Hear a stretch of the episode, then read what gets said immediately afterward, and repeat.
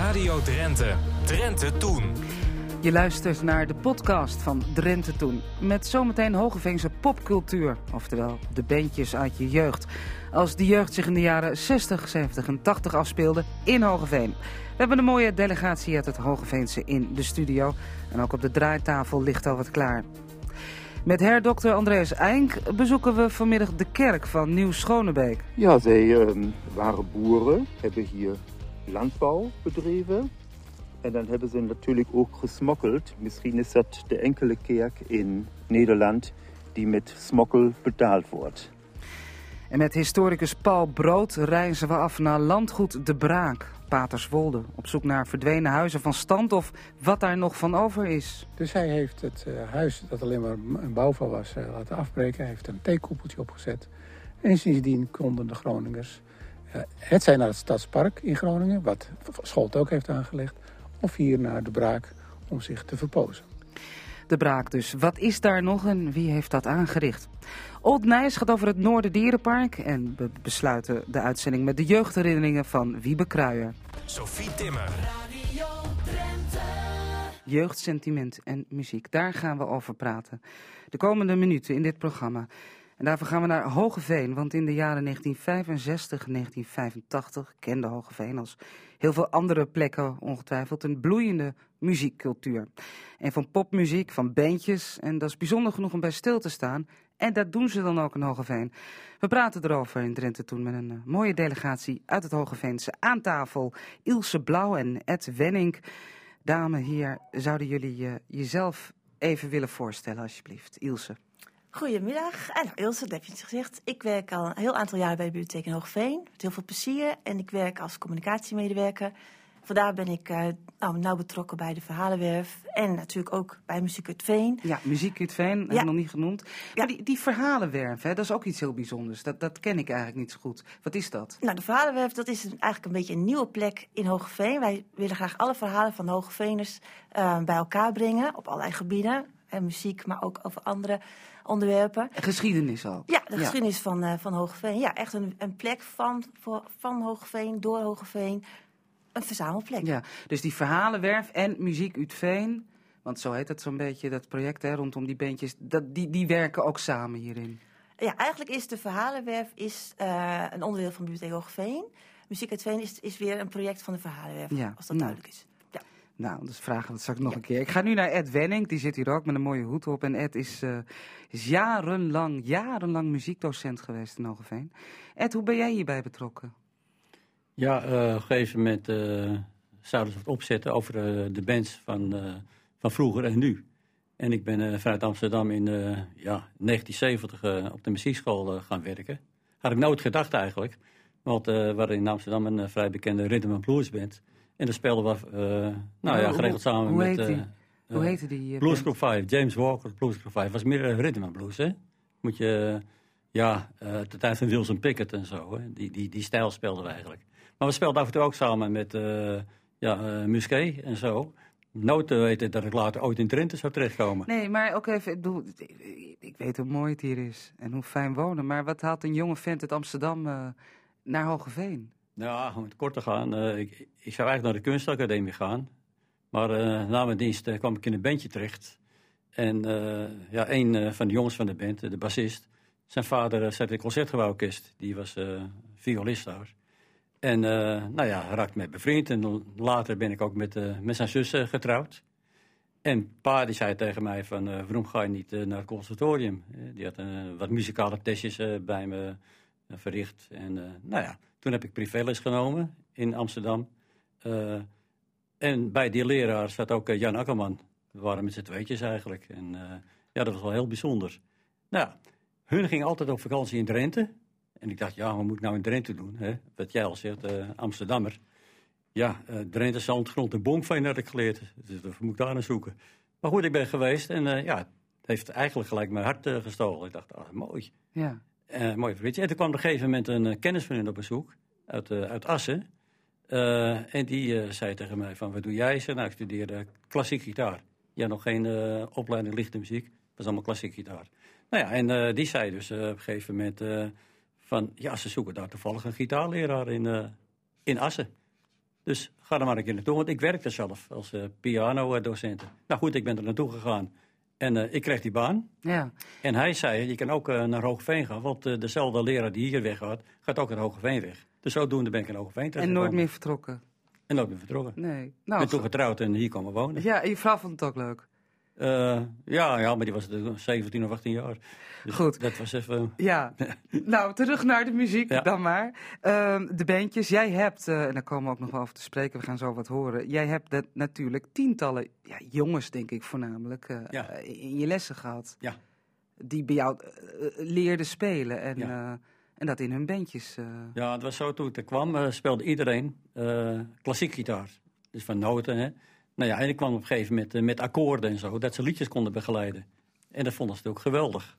Dus uh, zodoende is eigenlijk een soort uh, cultuur gestaan van zangers, zangeressen, bandjes en weet ja, ik het allemaal. Ja. Wat leuk is, jij bent natuurlijk een man met een klassieke achtergrond, maar je bent ook niet waars van de popmuziek. Dus jij was een ideale verbinder.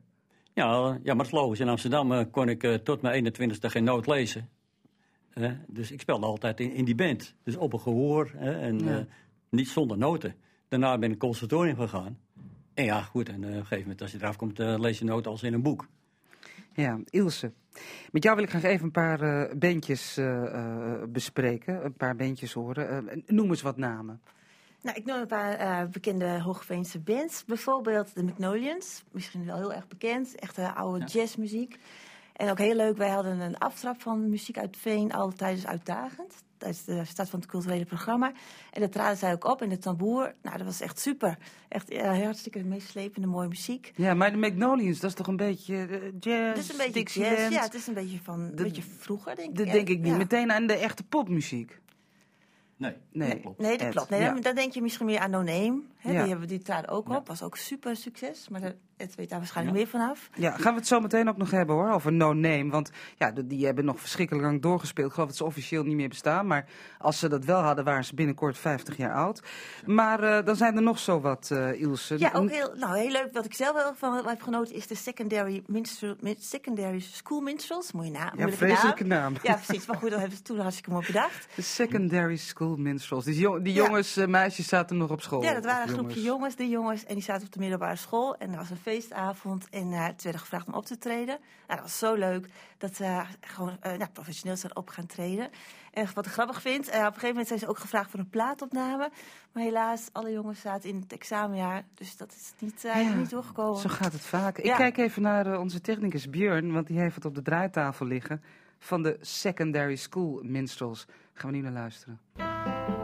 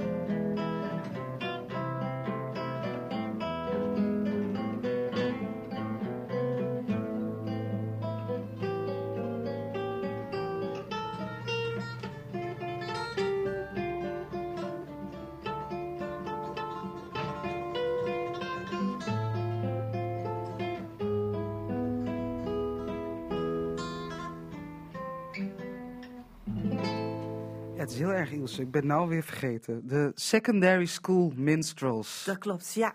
Moeilijke naam, hè? Laat het genoemd zijn Ja. in dit programma. Dus, hè? Ja, een Ja, schoolbandje, ja. Maar ehm, ja, even dat, eh, we kunnen onmogelijk al die bands noemen. eh, eh, maar er waren er veel in Hogeveen. Dat betekende, Ed, dat, dat, dat je ook kon optreden als band, denk ik dan, in die tijd. Jaren 60, 70. Ja. En dat er publiek was. ja. Dat klopt. Ja. Ja, ze traden ook uh, ja, in clubhuizen, uh, zoals Tink en dat soort gelegenheden. Hoe heette dat? Nou, Tink bijvoorbeeld, Ja? een clubhuis. Hè? Ja. En uh, daar in de schakel en uh, had je het podium. Vroeger heette dat uh, de box. En er werd ook gerepeteerd en daar traden ze op. Dus ja, er werd behoorlijk wat opgetreden. Ja. Ja. Maar natuurlijk ook buiten Hogeveen, hè? Ja, ze gingen ook... eh, De dorpen en zo en Ja. en plaatsen, assen en, enzovoort. En een hele, hele flauwe vraag hoor. En ik wil geen hoge venens tegen de schenen schoppen. Maar was het voor een jonge Amsterdammer goed toeven, muzikaal gezien ook in die tijd? Ja, of was jij wel. niet zo'n stapper? Hield je niet zo van uitgaan? Ja, zeker weten. Ja, nou, en hoe? je moet niet vergeten, ik kwam in Hogeveen in 1970 en ik, had toen, eh, net, ik kwam net uit de provertijd. Ik had heel lang haar en ik was helemaal in het paars gekleed. En het was dan gewoon een bezienswaardigheid. Ja. Maar ja, ik heb altijd gedacht van, eh, ik kom hier wonen, ik moet mij eigen aanpassen. Maar het hoeft eigenlijk helemaal niet, want het ging eigenlijk eh, automatisch. Ja. Ik heb goed contact gehad met, de met de leerlingen. Nou, mooi. We hebben eh, een paar maanden geleden hadden we Johan, Nau Johan Nauta in eh, Mhm. de uitzending. Ehm een uitkijktoren aan de Hoofdstraat. Die had veel mooie foto's ook. Die foto's spelen ook een rol hè, in eh, Muziek Utveen. Want ik heb van hem ook al een paar foto's gezien. Nou ja, jij zegt het al, eh, lang haar. eh, de tijdsbeeld eh, spreekt uit die foto's hoe de muzikanten gekleed gaan. En No Name, de naam die viel al. Ilse speelt ook een rol in Muziek Utveen. Ed, wie van jullie wil daar wat over vertellen? Nou, ik kan wel iets over vertellen. Dat is wel grappig. Want een van mijn eerste leerlingen was André Damming. En dat was de solo-gitarist eh, van Arnhem. Ja. Nou ja, goed, ik had al wat leerlingen gehad. Eh, Ja, goed, dat was allemaal een beetje voor de lol. Hè? En vaak werden ze ook door de ouders gestuurd. En eh, maar toen kwam André. En ik kan me heel goed herinneren dat ik eh, was met een stukje van Bach bezig met een klassiek gitaar. Maar hij speelde al eh, popmuziek natuurlijk. Nou, die jongen die speelde op een gegeven moment, eh, de les erop speelde hij het hele stuk uit zijn hoofd. Zo, die is muzikaal. En, en later, veel en veel later, is die hele band op les gekomen voor de theorie. Ze wilden graag noten leren lezen. Hè? Nou ja, en dat is wel bijzonder geweest. Daar hebben we een aantal lessen aan besteed.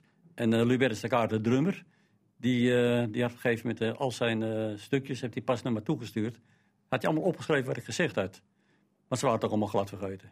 Hm. Het werkt namelijk niet hè, als je al in de band speelt, om dan nog eens een keer noten te gaan leren lezen. Dat is me bijna naar nooit gelukt. Nee, nee. Want ze spelen al, dan moet je helemaal overnieuw beginnen. Ja. Zeg, heb jij ook een favoriet? Als je zo terugkijkt en nu met dat project Muziek uit Veen, eh, waarvan je denkt, nou die steken er met kop en schouders bovenuit? Nou, eigenlijk niet. Maar er komt eigenlijk eerlijk gezegd ook eh, mijn interesse alleen meer in de, in de jazz en de klassieke muziek, moderne jazz. Hm. Dus eh, over het algemeen, ik vind het wel leuk om te horen, de bluesbands. Maar eigenlijk, ja, het klinkt een beetje dom, maar eh, ik hou me er niet zo mee bezig meer. Nee. Die Nou, Ik ben zelf componist en Ja. ik componeer eigenlijk meer klassieke muziek, Ja. gecombineerd met, met jazzmuziek. is duidelijk. Ik ga naar Ilse. Ja. Ilse, Muziek uit Veen. We hebben dan een aantal genoemd. Zijn er nog een paar bands die eh, we beslist eh, genoemd moeten hebben in dit programma? Eh, nou, wie is ook heel leuk, eh, leuke naam is die mede met het project Is No Generation. Kennen jullie misschien ook wel een bekende naam. De Ricketics. Ja. Nou, dat zijn eerst de namen die zo in me opkomen. Ja. Maar er zijn heel veel, eh, heel veel bands bij. Ja, en, het is goed om dat even te zeggen. De Ricketics, dat, eh, dat, dat, dan zitten we alweer later, hè? jaar 80, 90. Want we, we hebben het nu wel over jaren 60, 70, Ja. profotijd. Maar de, dit het muziek is veel eh, Ja, breder het dan gaat dat. ja, echt de jaren 1965 tot 85. Dus dat is best een hele, hele periode. Ja. Ja. Zeg nu, kunnen jullie de hulp van de Hoge Veners en eh, alles wat daarbuiten ligt eh, wel gebruiken? Hoe, Ilse? Dat klopt. Nou, we willen heel graag hulp, natuurlijk. We zijn gestart met dit project, maar eh, met het idee van... het is echt een project voor Hoogveen, voor Hoogveners. We hebben een website eh, gemaakt waarop mensen zelf een eigen bijdrage kunnen plaatsen. Bijvoorbeeld een verhaal, heb je een leuk verhaal over een band of over muziek... Heb je mooie foto's, misschien heb je een film. Die willen we heel graag eh, bij elkaar verzamelen. Zodat het project zeg maar, nou, alleen maar nog mooier en eh, meer tot bloei gaat komen. Ja, goed. Ehm, daarvoor eh, kunnen mensen bij jullie terecht. En dan weet je, zoals je zelf in het persbericht schreef... in april volgend jaar nog veel meer dan je nu weet. Precies, zo is het. Ja, Goed, klopt. Dank Ja. je wel. Op weg langs de Drents-Duitse grens gaan we. Op zoek naar sporen van onze gedeelde geschiedenis. Herdokter Andreas Eink, hij is directeur van het Eemsland Museum in het Duitse Lingen, die weet daar veel over te vertellen. En hij en collega Lydia Tuinman, die zitten in de auto op weg richting Sint-Bonifatiuskerk van Nieuw-Schonebeek. Dat is een Duits-Roomse kerk op Nederlandse grond. De Duitsers die hebben hier hun geloof meegebracht. Zijn er nog andere dingen die ze mee hebben genomen naar de andere kant van de grens? Ja, die, die namens die hebben ze natuurlijk eh, meegenomen. De, ehm, en al die mensen hier hadden verwantschap in Triest. En na de oorlog hebben ze met de families gesmokkeld. Hier waren verschillende winkels langs de grens. En die hebben eh, na de oorlog meer koffie verkocht dan de grote winkels in Amsterdam. En dan ging allemaal naar Duitsland met smokkel. Ja, want de verbindingen waren natuurlijk aan weerszijden van de grens goed, eh, goed aanwezig. Ze kenden elkaar, dus de koffie ging van de Nederlandse kant naar de Duitse kant. Ja. Maar het bleef allemaal in de handen van de familie. Precies. Hier eh, zijn we nu bij een eh, boerderij. En daar staat ook die naam, dat is Lubbers. Dat is ook, ook een typische Duitse naam. Melkveebedrijf familie Lubbers.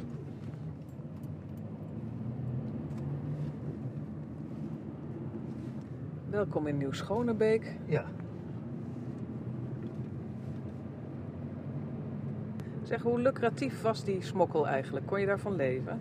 Daar kun je goed van leven, daar kun je rijk van worden. Als je geen angst voor de douane had. De koffie in. De kilo, eh, ehm, de kilo koffie was in die tijd in Nederland 6 in, in marken. Was dat eh 6 marken 50 en in Duitsland 18,50. Dat eh, was drie keer zoveel. Dat was drie keer zoveel. En één smuggelaar kon eh, 50 pond, dat zijn 25 kilo, kon die, hoe, hoe noem je dat? Meenemen, ja. Meenemen. Zo kon je in één nacht ongeveer 50 D-mark verdienen. Met niks doen dan de grens overschrijden. Ja, dat klinkt wel eh, alsof het de moeite waard is, inderdaad. We gaan van de weg af. Gaan we heen, even parkeren. Ik laat me verrassen.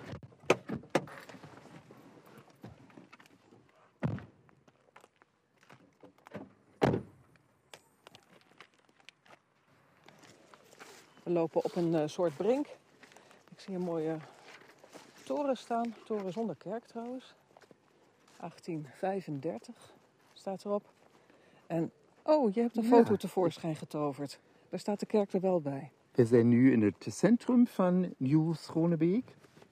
En die Duitsers die hier in het 19e eeuw naar Nieuw-Schonebeek getrokken zijn, die kwamen uit het Eemsland en die waren allemaal Rooms-Katholiek. Maar Drenthe, Drenthe was eh, reformeerd. En daar hebben ze hier in het dorp Nieuw-Schonebeek een eigen kerk gesticht, een Rooms-Katholieke kerk. Die toren die bestaat nu nog. De, ehm, de kerk is gesloopt. Hier staat nu een moderne Rooms-Katholieke kerk. Maar het eh, oude pastorij die is ook nog bewaard gebleven. En daar wordt nu een nieuwe museum voor christelijke kunst. Zeg, dat is geen klein kerkje wat ze daar neer hebben gezet. Hè? Ze hadden dus kennelijk wel geld. Ja, zij ehm, waren boeren, hebben hier landbouw bedreven. En dan hebben ze natuurlijk ook gesmokkeld. Misschien is dat de enkele kerk in Nederland die met smokkel betaald wordt.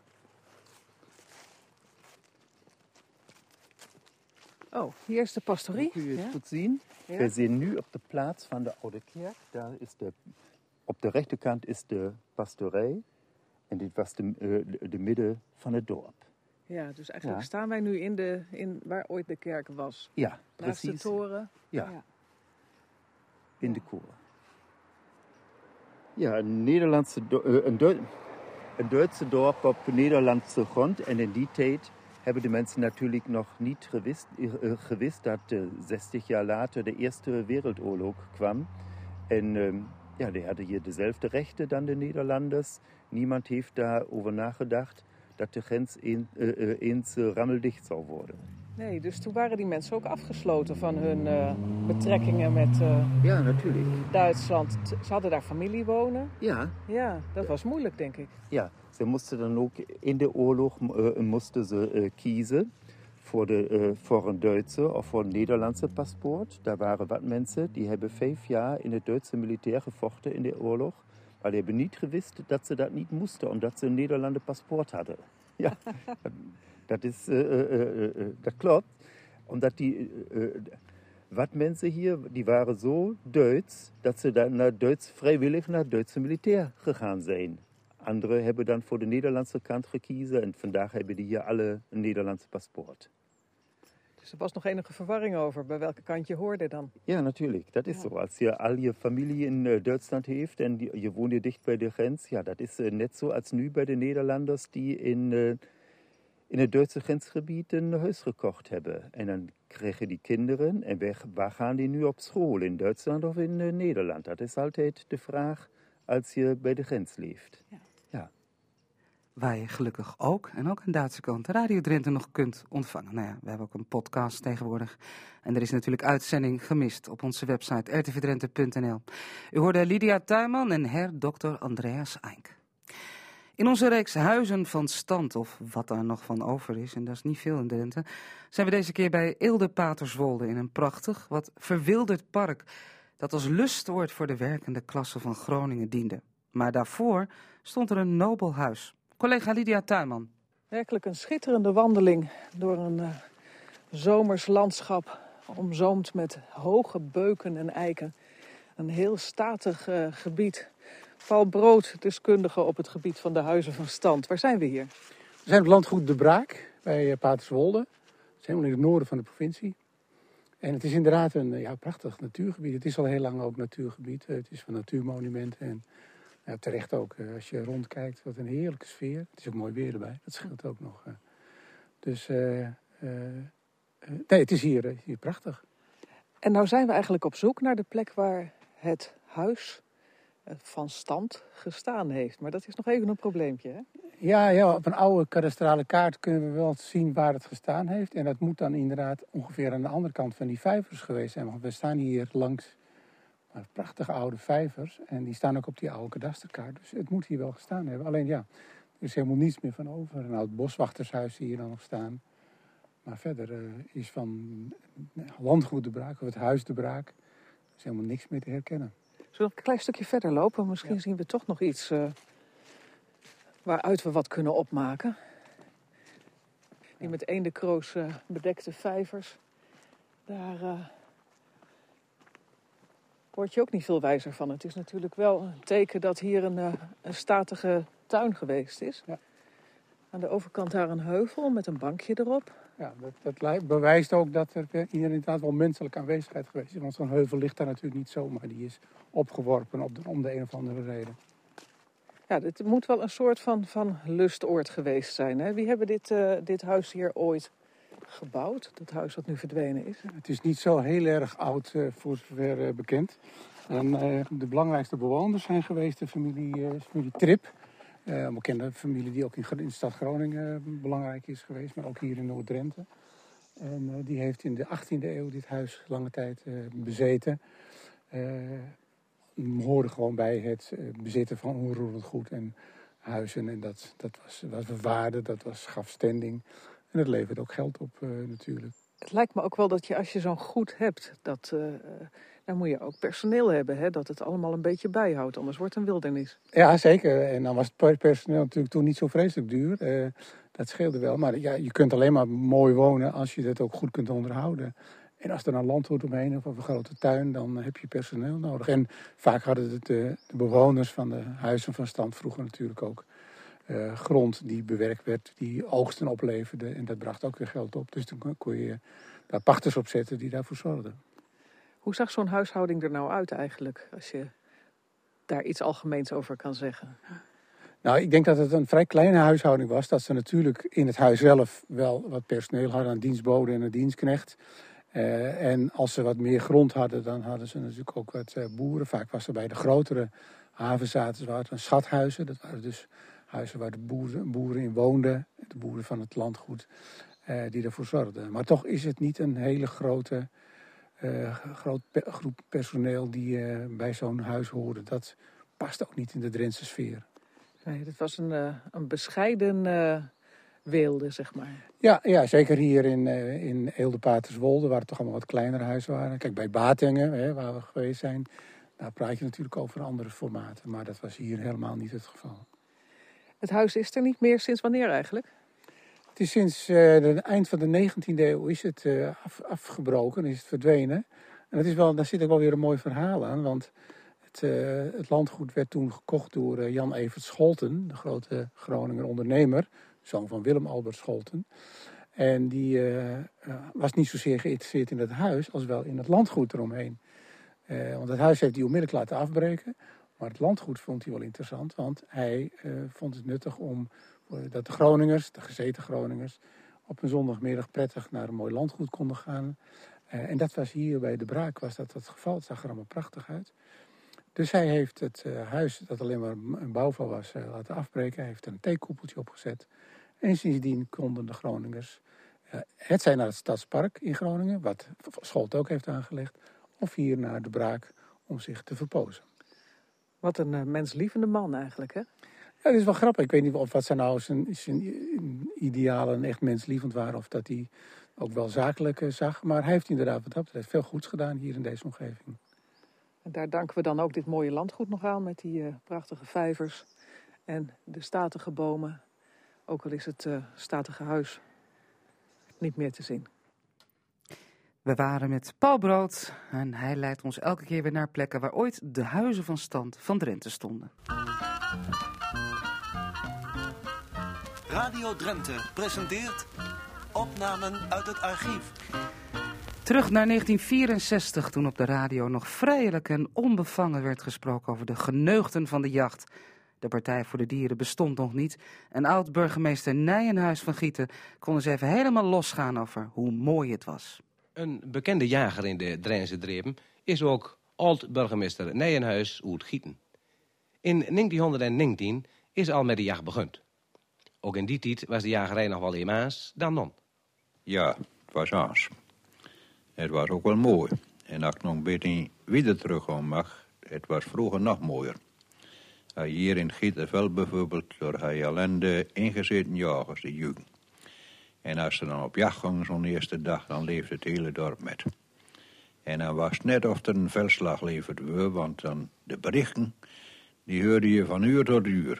Dan werd er bijvoorbeeld gezegd, om tien uur had je piks twee hazen en tien patriezen. En om twaalf uur had je het zikken drie hazen en veertien patriezen. En s'avonds, als ze weer in huis kwam, dan werd precies verteld wat ieder schoten had. Het was dus kaart een wedstrijd. Het ging erom wel de meesten naar. Ja, jongen, er waren er ook wel een paar die bij. Die begonnen al een dag wat in het vuurden. Zo je een paar patriezen schieten op de loer. Hoe verder de jacht open was? Voordat de jacht open was. Ah, ja, jong, dat kwam toch niet zo nauw. Nee, eigenlijk was dit natuurlijk een beetje in streupen. Buurt er eigenlijk aan het toezicht wel wat dan? Bij nou Rijksveldwachtersmiddag, die zat vaak in het veld.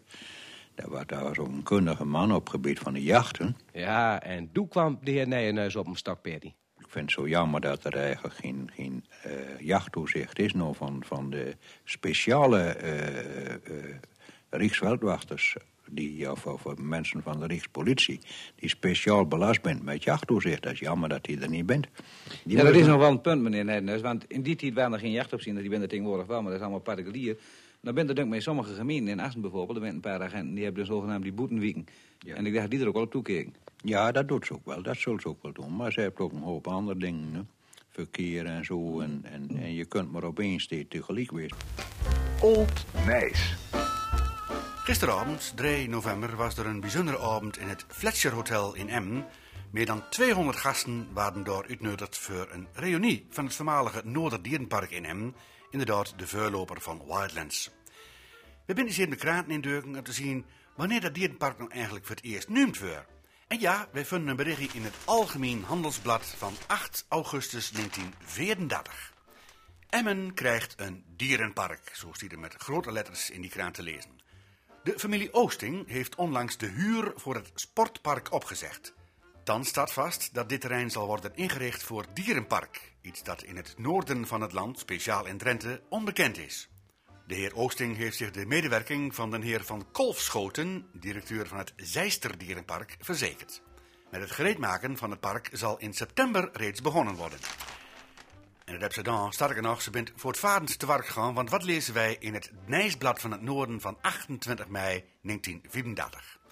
Het dierenpark te Emmen geopend. Een daad van grote betekenis voor de gemeente. Onder zeer grote belangstelling van genodigden werd gisteren het Noorderdierenpark geopend. De eigenaar, de heer W.S.J. Oosting, heette allen welkom en zei dat nog niet alles gereed was, daar nog dieren worden verwacht. Vervolgens hield de burgemeester, meester J.L. Bauma, een geestige reden. Spreker zei dat de betekenis van het dierenpark tot ver buiten de grenzen der gemeente zal gaan, daar het niet werd gebouwd voor één gemeente of voor één provincie, doch voor allen boven Zwolle. Spreker roemde den ondernemingsgeest van de heer Oosting, die met deze zaak geen winst betoogt te maken. En dan gaat de kraan nog even verder over wat er toch allemaal al in Emmen tot stand gekomen is, zoals een eh, jeugdherberg, een oldheidkamer, een zwembad en nou dus ook een dierenpark. Niet in een nauwe stad, zo gaat de kraan verder, doch heerlijk in de vrije natuur ligt dit monument. Men kan zich rustig verdiepen in de geheimzinnigheden der dierenwereld. De directeur zal nog wel eens voor moeilijkheden komen te staan en teleurstellingen ondervinden, doch de heer Oosting heeft veel dierenliefde en een bijzonder grote feitenkennis. Hopen wij dat hij geen grote tegenslagen mag hebben en mogen hij middelen en wegen vinden zijn ideaal een groots dierenpark te verwezenlijken door gestadige uitbreiding en verbetering. De kraan gaat even verder met allerlei loftuitingen aan alle medwerkers dat alles zo snel en ook zo keurig uitvoerd is. En de burgerij heeft gemeend zich ook niets onbetuigd te moeten laten en biedt een geschenk aan, bestaande uit twee damherten en een tiental tuinbanken. Mogen dit dierenpark in sterke mate dienen het algemeen belang. De heer Oosting dankte voor de waarderende woorden en voor het geschenk en zei te zullen trachten het dierenpark op peil te houden. Het met een hele lange bijeenkomst te hebben, want in de kraan stond een hele trets met namen van mensen die nog een toespraak hadden en ook net zoveel geschenken gaven. En eindelijk, de burgemeester knipte hierna het lint door dat den toegang tot den tuin afsloot, waarna de bezichtiging plaatsvond. Het was een schot in de rozer, dat dierenpark, want wat lezen wij in het Nijsblad van het Noorden van 26 november 1934, dus zeg maar ongeveer een half jaar na de opening. Het Noorderdierenpark te Emmen, we schreven dit reeds herhaaldelijk, heeft in het afgelopen seizoen geweldig veel belangstelling ondervonden. Hieruit heeft de ondernemende exploitant, de heer Oosting, de conclusie getrokken dat de bedoelde inrichting inderdaad in een behoefte voorziet. Naar wij vernemen is thans aan de heer J. van S., aannemer te Emmen, opdracht verstrekt om een gebouw op het terrein te plaatsen, bestemd voor de huisvesting van roofdieren. Tja, en de rest is geschiedenis. En die ongeveer 80-jarige geschiedenis is ongetwijfeld uitgebreid besproken. Gisteravond tijdens een grootse reunie waarbij de opvolgers van Oosting, de familie Rensen in de persoon van Jaap Rensen en zijn dochters, de eregasten waren. Al Oosterhuis is ook van alle markten thuis. We besluiten deze uitzending van Drenthe Toen met onze uitsmijter, collega Robert Oosting, die voorleest uit het boek Jeugdherinneringen van Wiebe Kruijer. Een tachtiger die meer dan 400 bladzijden volschrijft met zijn eigen observaties.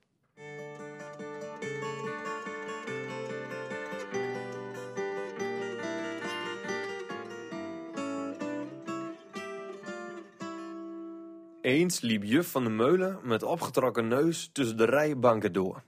Ze had kennelijk een onaangename geur bespeurd. Wie moet er een grote boodschap doen? vroeg ze. De naam weet ik niet meer, maar laat ik maar zeggen dat Wiesje haar vinger opstak. Moet jij een grote boodschap doen? vroeg ze nog een keer. En toen deze vraag bevestigend werd beantwoord, zei ze: Ga er maar gauw heen. Daarop verdween Wiesje uit de klas. Even later stormde ook juf de klas uit rende de deur uit, over het schoolplein en de straat op. Wiesje moest inderdaad voor haar moeder een grote boodschap doen. Had haar jas op de gang aangetrokken en was op weg gegaan om de haar opgedragen taak uit te voeren. Toevallig keek juf op een bepaald moment uit het raam en zag Wiesje het schoolhek uitgaan. Net op tijd kon ze het kind terughalen. Wiesje had de bedoeling van de vraag duidelijk niet goed begrepen. Juf van de Meulen was op een bepaalde middag overblijfjuf. De kinderen waren schijnbaar nogal luidruchtig en het beviel haar beslist niet. Als straf had ze bedacht dat we niet mochten beginnen met eten. Ze weigerden met ons te bidden en dan was beginnen met eten natuurlijk taboe. Op ons protest beweerden ze dat de goede het maar met de kwade moesten ontgelden. Zo hebben we de middagpauze voor een belangrijk deel, in afwachting van wat er komen ging, doorgebracht. Bedankt voor het luisteren naar de podcast van Drenthe Toen. Geef ons maar een sterretje wat als je wilt. En luister ook eens naar de andere podcasts van Radio Drenthe, zoals die van Cassata of de Sportcast.